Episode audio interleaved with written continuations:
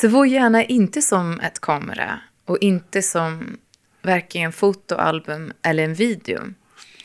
För de typer av teknik är så precis och allting statiskt eller väldigt liksom detaljerat. Och vår bilder är mer intresserade av meningsfull information. Mm. Så de kan bli extremt snabb, 200 millisekunder. Mm. De försvinner inom en halv sekund om man inte förnyar dem. Ja. Och de kan kanske bli bara centrala saker. Så det är nästan som att ha en kamera som har suddat ut allt som är Ja. icke väsentligt.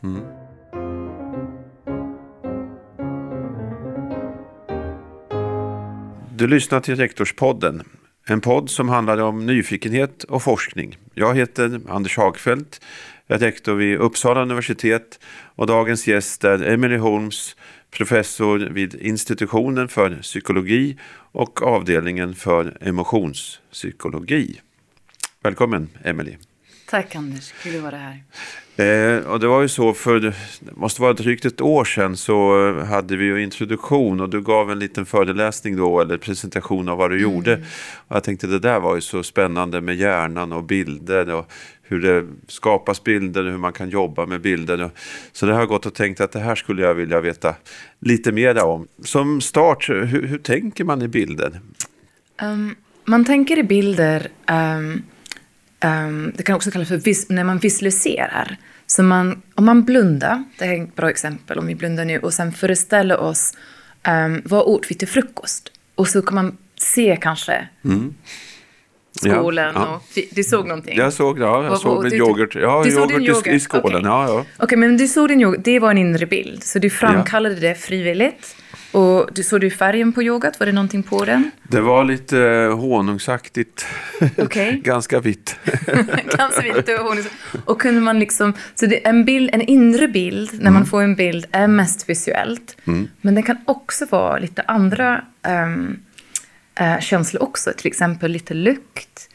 Eller även hörsel, rörelsen. Så det är som en liten levande exempel av livet, ut, fast i vårt huvud kan man säga, som en inre visualisering. Typ när man föreställer frukosten. Och ser Ja, precis. Jag ser startpaketet också. Jag behövde lite energi den här morgonen. Vi hade ju promotion igår kväll. Så. Okej. Kanske man kan även föreställa att man luktar kaffedoften. Ja, absolut. Så.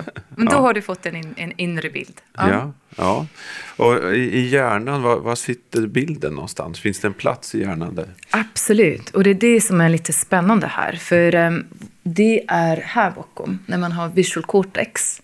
Ehm, så det är ganska tidigt del av hjärnan att vi är uppbyggt för att vi är väldigt duktiga på att, eh, perception. Ehm, så det sitter, om man har en inre bild som innebär eh, den visuella, då sitter det i visual cortex. Om det handlar om lukt, då får man lite, till exempel luktsinne som aktiveras. Och ehm, det är som, det är nästan som hjärnan agerar på samma sätt om du hade faktiskt varit där och sett din frukost. Så vi kallar det för en typ svag perception. Så du har i, i, precis i bakhuvudet.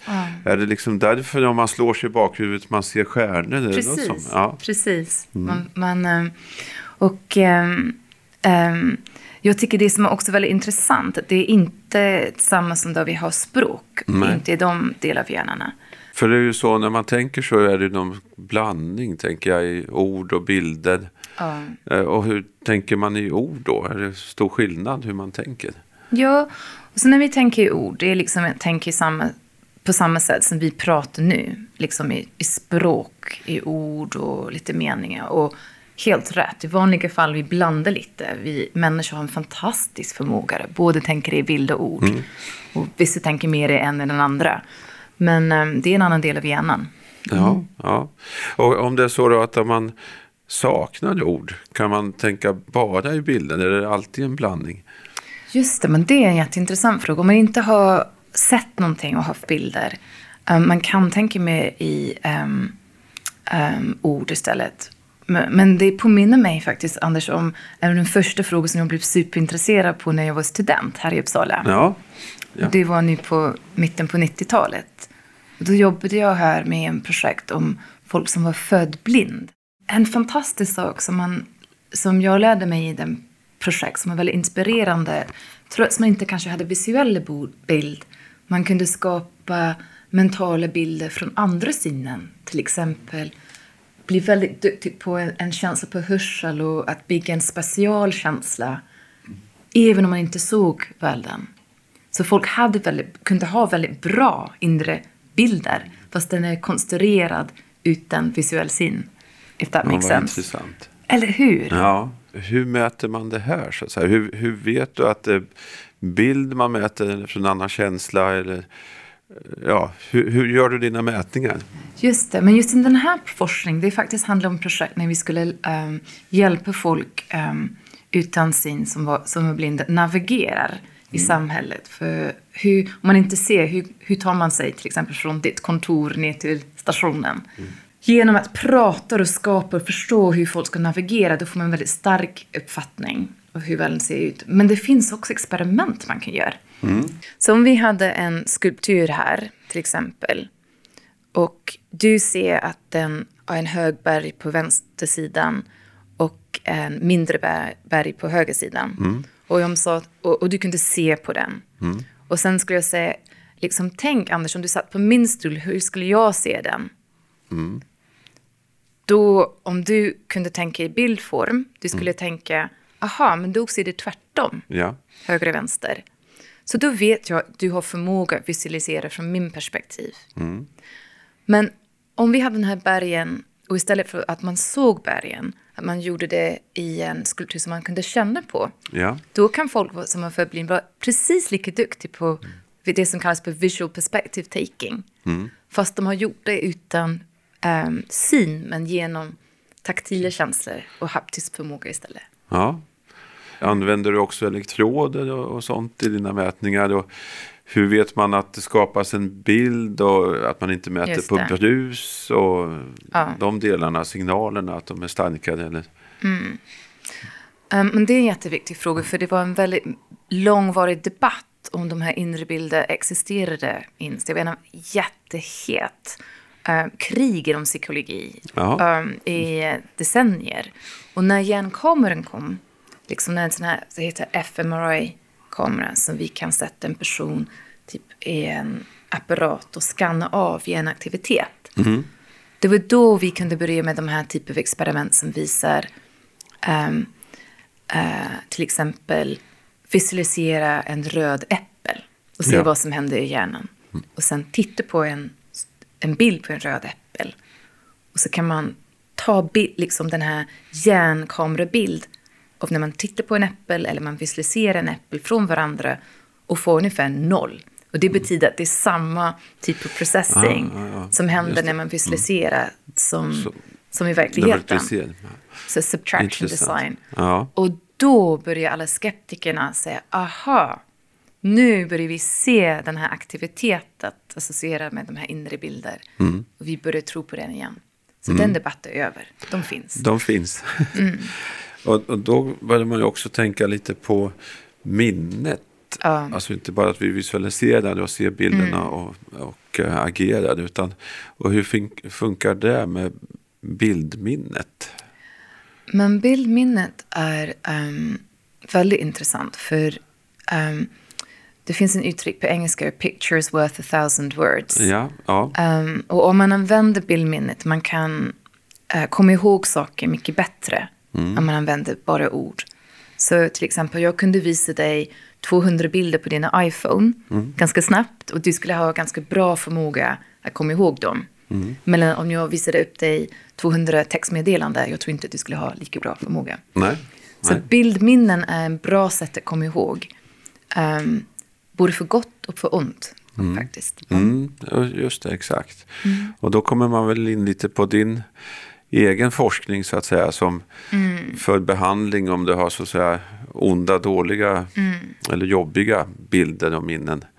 Så, så om vi startade hur du, hur kom det sig att du intresserade dig för den här typen av forskning med bilder? Fanns den typ av forskningen då så att säga etablerad eller var det, du var ganska, du startade ganska nytt kan jag tänka mig. Ja, det, det var det. Och jag var själv otroligt överraskad. Så till exempel, ehm, när jag doktorerade, jag tänkte det skulle vara självklart att bildminnen och bi tänker i bild hade mycket stora konsekvens på vår immersion mm. än att tänka i ord. När man gör som man måste göra när man ska bli forskare, göra en riktig litteraturundersökning och gå tillbaka till alla tidskrifter någonsin. Det var ingen sånt experiment. Folk som hade liksom påstått att det kanske var det. Så de komplexa studier som jag tänkte doktorera på, som man har mm. när man tänker när man ska börja en doktorera, det slutade jag med. Då gick jag tillbaka till den här fundamentala frågan. Ja. hur starkt är liksom, äh, min hypotes var att tänka i bildform är starkare än att tänka i ord. Eller det mm. påverkar okay. våra emotioner på en starkare sätt. Mm. Och flertals experiment senare, då fick vi det bevis. Ja, gång okay. efter gång. Och hur, vad var det för experiment? Hur, vad var det som visade att... Så en experiment i psykologi, precis som experiment i kemi eller fysik, vi, tar, vi börjar med en hypotes. Mm, ja. Och så gör vi stimulus. Så i vårt fall, vi skapar stimuli som um, till exempel ett bild och ett ord. Mm. Och vi säger att personen måste kombinera till exempel en bild på trappor mm. med ordet ramla. Mm. Och ja. gjorde det i bildform på en gång. Ja, då, faktiskt. För vi pratade om Absolut, ja. Och du gick jag se en reaktion. Okej, okay, precis. Så då ser man, då skapar man en inre bild ganska snabbt. Ja. Och det, vad, vad var din bild av? Ja, nej, men jag, så, jag såg bilden falla. Liksom. Ja, precis. Mm. Någon ramlar ner för trappan. Mm. Precis. Och en annan betingelse kan man säga istället, här är en bild, här är ett ord, trappor mm. mm. och, och, och, ordet ramla. Gör en mening, en beskriver mm. det. Och då måste de personerna till exempel säga, en person ramlade ner för trappor. Ja. Så då har man samma stimuli, olika instruktioner för hur man ska bearbeta mm. i sin inre värld. Och då kan man börja mäta hur folk mår man kan mäta hudrespons elektroniskt. Mm. Man skulle kunna stoppa dem i skannen. Mm. Men i de här första experiment, vi var mest intresserade på upplevelsen. Så hur folk skattar sina emotioner mm. efter. Och om man tänker på att man har kanske hundratals stimuli och olika betingelser kan man börja forska fram vad, vad får man den starkaste reaktioner och om vi randomiserar olika försökspersoner till olika betingelser vad som mm. händer. Så precis som en experiment forskar man fram till slutsatsen. Otroligt spännande. Ja, när du, nu fick jag börja komma att tänka bilder. Då. Ja. Men det har verkligen då visat att en bild är mer än tusen ord egentligen. Ja. Experimentellt. Precis. Ja, det är Särskilt spännande. på hur vi mår, liksom våra emotioner. Ja, ja, ja. ja. Och både positivt och negativt. Ja. Mm. Så det är viktigt. Mm. Om du vill tänka på någonting positivt i framtiden. Mm då är det också jätteviktigt att tänka i bildform. Ja, okej. Okay. Mm. Den här långsemester som kommer upp till exempel. Ja, just det. Får se. ja, det är bra. Innan, jag tänkte också fråga lite om, om, eh, om din forskning där. Men innan dess så kommer jag att tänka på minnen och bilder. Och mm. något som, som eh, är lite myst, konstigt för mig är ju att, att man kan ju ha, när man drömmer. Mm då kan man ju vakna upp med väldigt starka mm. bilder. Och, och, det är väldigt starkt, väldigt påtagligt. Mm. Och det borde man ju då kunna komma ihåg, för det är så pass starkt. Mm. Men när man vaknar efteråt så är det ganska ofta som man inte minns riktigt mm. vad man har drömt. Eller så försvinner mm. minnet av drömmen ganska snabbt under första mm. vakenheten. Vet du vad, vad beror det på? Det liksom, men det är en jätteintressant observation. För det, det är så, de ofta, om, det är ny, om det är någonting nytt man har drömt på, mm. sin egen dröm, det är helt rätt, den försvinner. Mm. Om det är en återupp, återupprepade dröm, ja. då kan man också ha motsatsproblemet. Det är svårt att den ja, ja, försvinner. Mm. Um, men vi vet inte riktigt hittills. Vi vet att vi konsoliderar minnen oftast bäst under sömnen. Ja, okay. så, så kanske det är någonting som störs i den processen. Men ett exempel av en forskningsfält som borde forska mer på? Ja, gärna. Vad spännande. ja, ja, nej, men det, ja okej. Okay. Mm. Ja, det är roligt att veta när man inte vet. Det är ja. ny forskning. Mm. Jag vet också att du är intresserad också med behandlingar och, och mm. då är det ju mera eh, så att säga, jobbiga minnen och svåra minnen. Ja. Eh, och koppla där även till samhället. Eh, jag vet att du gjorde någon studie med covid och, och, och trauma kring det. Så jag berätta lite mer om, om, om de studierna och hur du gör för att bearbeta minnen eller, och, och bilderna till minnen. Mm. Så um, jag har den här grundläggande intresse i, i bildminnen mm. och i bildemotion som vi har pratat om. Um, och jag är också utbildad som kliniker, så legitimerad mm. psykolog. Och en sak som jag var fascinerad av var mycket vår behandling um, handlar om ord. Mm. Så terapeuten pratar med patienten, patienten pratar tillbaka. Ja. Mm. Och det är ganska väldigt bra om man vill komma åt um, hur vi tänker i ord. Mm. Men om vi tar vår hypotes att det som verkligen påverkar våra emotioner är bilder. Då kanske man behöver jobba med, mer med själva bilden. Mm. Och särskilt om man också tar hypotesen att de här bilderna är nästan en annan del av hjärnan. Mm.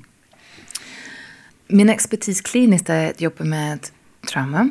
Mm. Folk som har pågått till exempel genom krig eller en, en stor olycka eller det som kallas för posttraumatiskt stresssyndrom. Mm. Mm.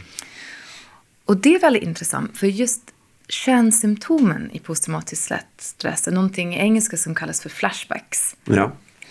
Men då, och um, på svenska pratar vi om påträngande minnesbild från mm. själva trauman. Men nyckeln där som vi var nyfikna är de här är bildminnen. Mm. Och um, då var jag väldigt nyfiken. Kan vi hitta en ny sätt att jobba med de här bilderna? Den önskemål kom också från min erfarenhet som kliniker. Det är väldigt många patienter som hoppar av behandlingen. Mm. Och det är en ganska lång, krävande behandling. Fast den är väldigt bra. Man ska absolut försöka ha en behandling. Men skulle vi kunna göra lite snabbare eller på en lite lättare sätt när man inte mm. behöver prata så mycket om trauman. Mm. Så tänkte vi, okej, okay, hypotes, bilder. Tänk om man kunde jobba med de här bilderna um, på ett sätt så istället för att prata om ord om dem man, kunde tänka att vi använder hjärnans kapacitet. Um, uh, att, att den kan bara tänka på en sak i taget. Mm.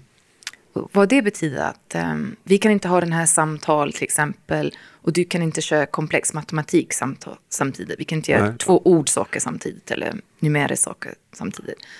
Samma med bilder. Jag kan inte ha en traumabild i huvudet mm. och samtidigt vara väldigt engagerad i en annan aktivitet som kräver inre bilder. Mm. Det finns många olika aktiviteter som använder inre bild, liksom förmåga. Har du, har du spelat en datorspel som heter Tetris någon gång? Oj, det var länge sedan, men det har jag gjort. Ja. Okej. Okay. Mm. Ja, den kom, jag tror det var på 80-talet eller ja, Men, ja. men det, den är um, en datorspel som använder klossar i olika färger. Ja, exakt. Mm. Och man, och man ska röra de här klossarna och få poäng när man får en linje. Mm. Ja? Det är också vad vi skulle kalla för en väldigt visuell aktivitet. Ja.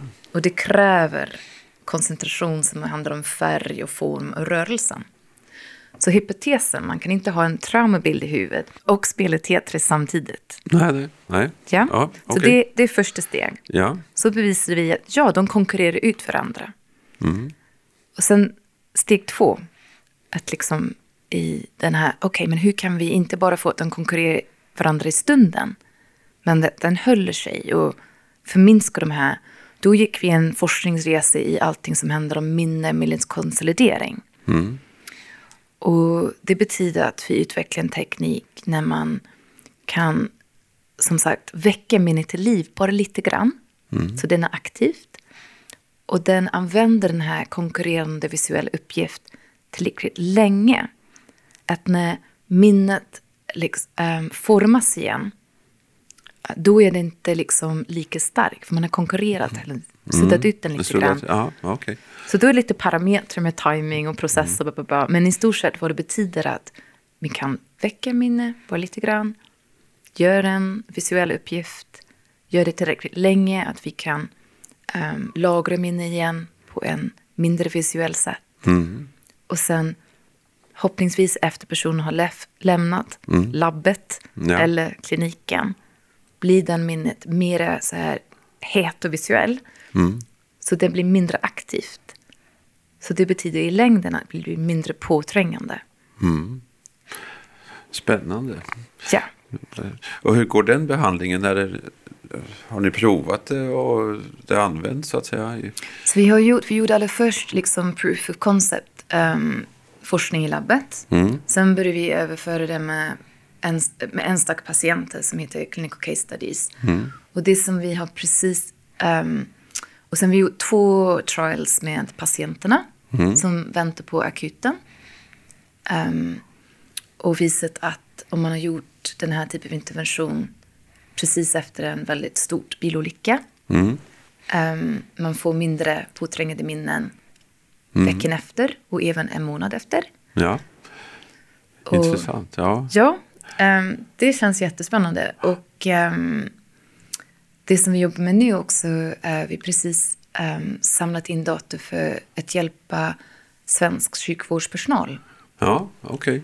Ehm, Men, och de här gör ni här i Uppsala eller på olika? Ja, Över- ja. akademiska. Mm. Ja, på akademiska, men det, det är öppet över hela Sverige för vi utvecklade en digital version. Jaha. Eftersom det var smittspridning under covid. Ja. Då kan inte vi träffa alla sjuksköterskor och läkare, till exempel, som jobbade på IVA.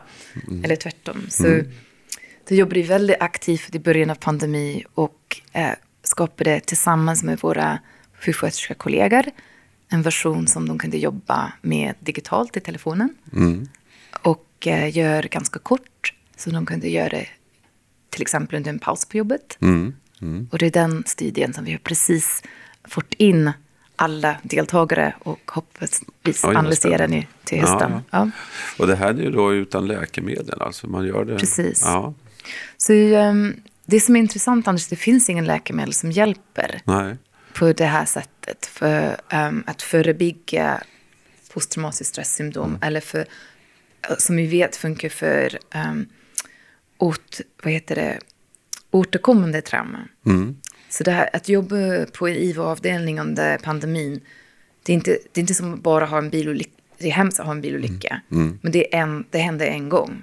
När man jobbar med svårsjuk covid-patienter, då är man exponerad för död och lidande dag efter dag, vecka efter vecka, månad efter månaden. Så det blir en väldigt hög belastning ehm, med olika traumahändelser. Så det finns ingen läkemedel för det. nej. Men ehm, vi försöker utveckla någon teknik som skulle kunna hjälpa till under sådana omständigheter. Så vår sjukvårdspersonal har varit med honom. Otroligt spännande. Mm. Så du har också ett stort engagemang med vår uppgift som universitet för eh, vetenskap och, och koppla det till samhällsnytta Mm. och så, så att säga. Hur, hur ser du på den saken i vårt, för, vår, för vår, vårt universitet, så att säga? Som, Jag tycker det är jätteviktigt. Mm. Och ehm, jag, tycker jätte, jag är jättestolt att Uppsala har ett mål att, vi, att forskning ska vara relevans till samhället. Mm. Och ehm, jag tror att det är jätteviktigt för oss. Det känns otroligt privilegium att kunna forska. Men när det saker, händer saker i samhället, det känns också lite som ett ansvar att försöka tänka på vad, vad gör vi nu som man skulle kunna bidra på något sätt. Ehm, och jag tror det är fantastiskt bra på mer basic science, eller så grundvetenskap. Ofta så att besvara en väldigt svår fråga, typ oj, hur ska vi hantera påträngande minne, pågående trauma? Det är ingen svarar på. Men under den resan lär man sig så otroligt viktigt just för grundforskning och hur minnet fungerar. Ehm, så jag ser dem som en väldigt starkt kopplat. mm, absolut. Vad, är- vad är dina mest spännande frågor nu du funderar på forskningsmässigt? Oh, jag har så, så många spännande frågor. Som måste, det finns så litet inom det här fältet att det finns en, liksom, behöver hundra år till med studieexperiment för att ens börja komma någonstans. Ja. Den här drömprojektet, Anders, det, skulle hem, det skulle svaras. Men eh, ja, så det är det. Vi, eh, vi också har en samarbete med kollegor i Ukraina just nu. Ja, Ehm, och um, stödja och lära oss väldigt mycket med att jobba med dem. Ehm, vi jobbar med kollegor i Island Ja. och var intresserade av tänka på, kan man gå lite mer från grundforskning till storskalig forskning? Ehm, och sen, mitt hjärta ligger alltid tillbaka i labbet också. ja, Så jag är fascinerad av under de här tillämpningarna, liksom, kanske frågor till exempel varför, vad är mekanismen? Hur kan vi forska det? Lite till din fråga om vad händer i hjärnan? Och kan vi, om vi kunde bara i psykologi börja förstå hur saker fungerade bättre, då kommer vi fram med mycket bättre design. Ja.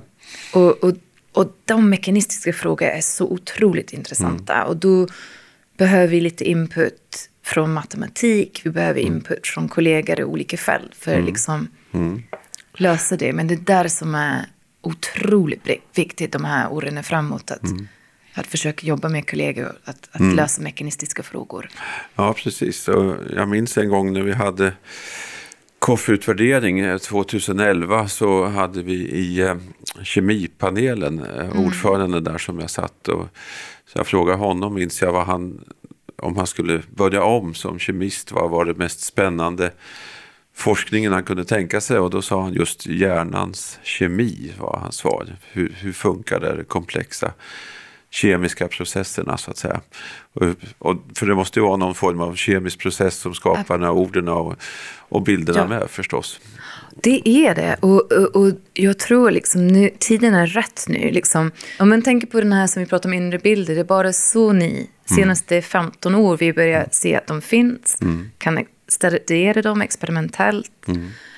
Och det är bara ett och flertals exempel inom psykologi. Så jag tror det ska vara otroligt spännande att jobba med kollegor i andra um, områden att förstå hjärnans kemi och fysik och matematik och allt sånt.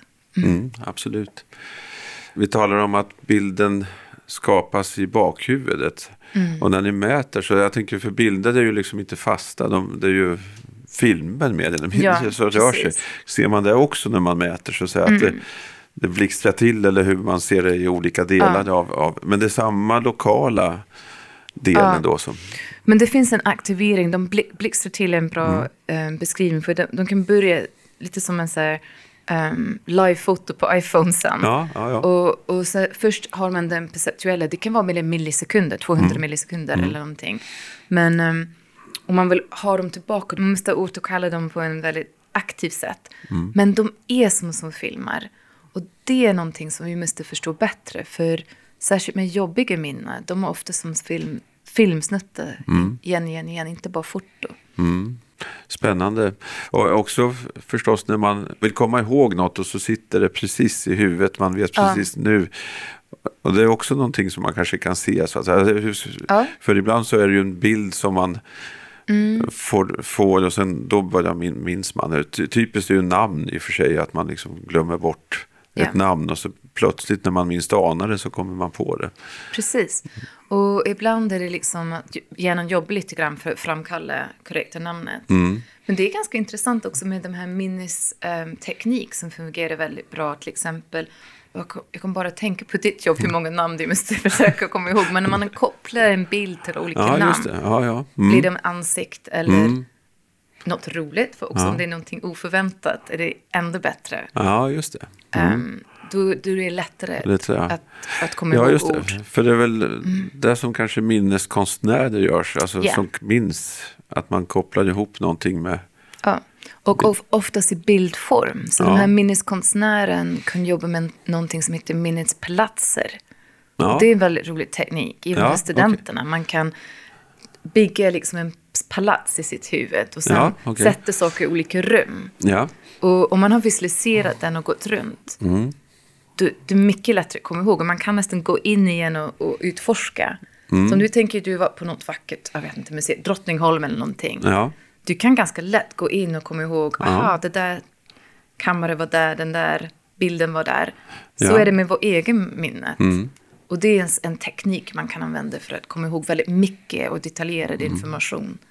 Vad spännande. Jag känner hur hjärnan har dragit igång en massa bilder. Stort tack för detta spännande samtal. Och lycka till i forskningen. Tack Anders.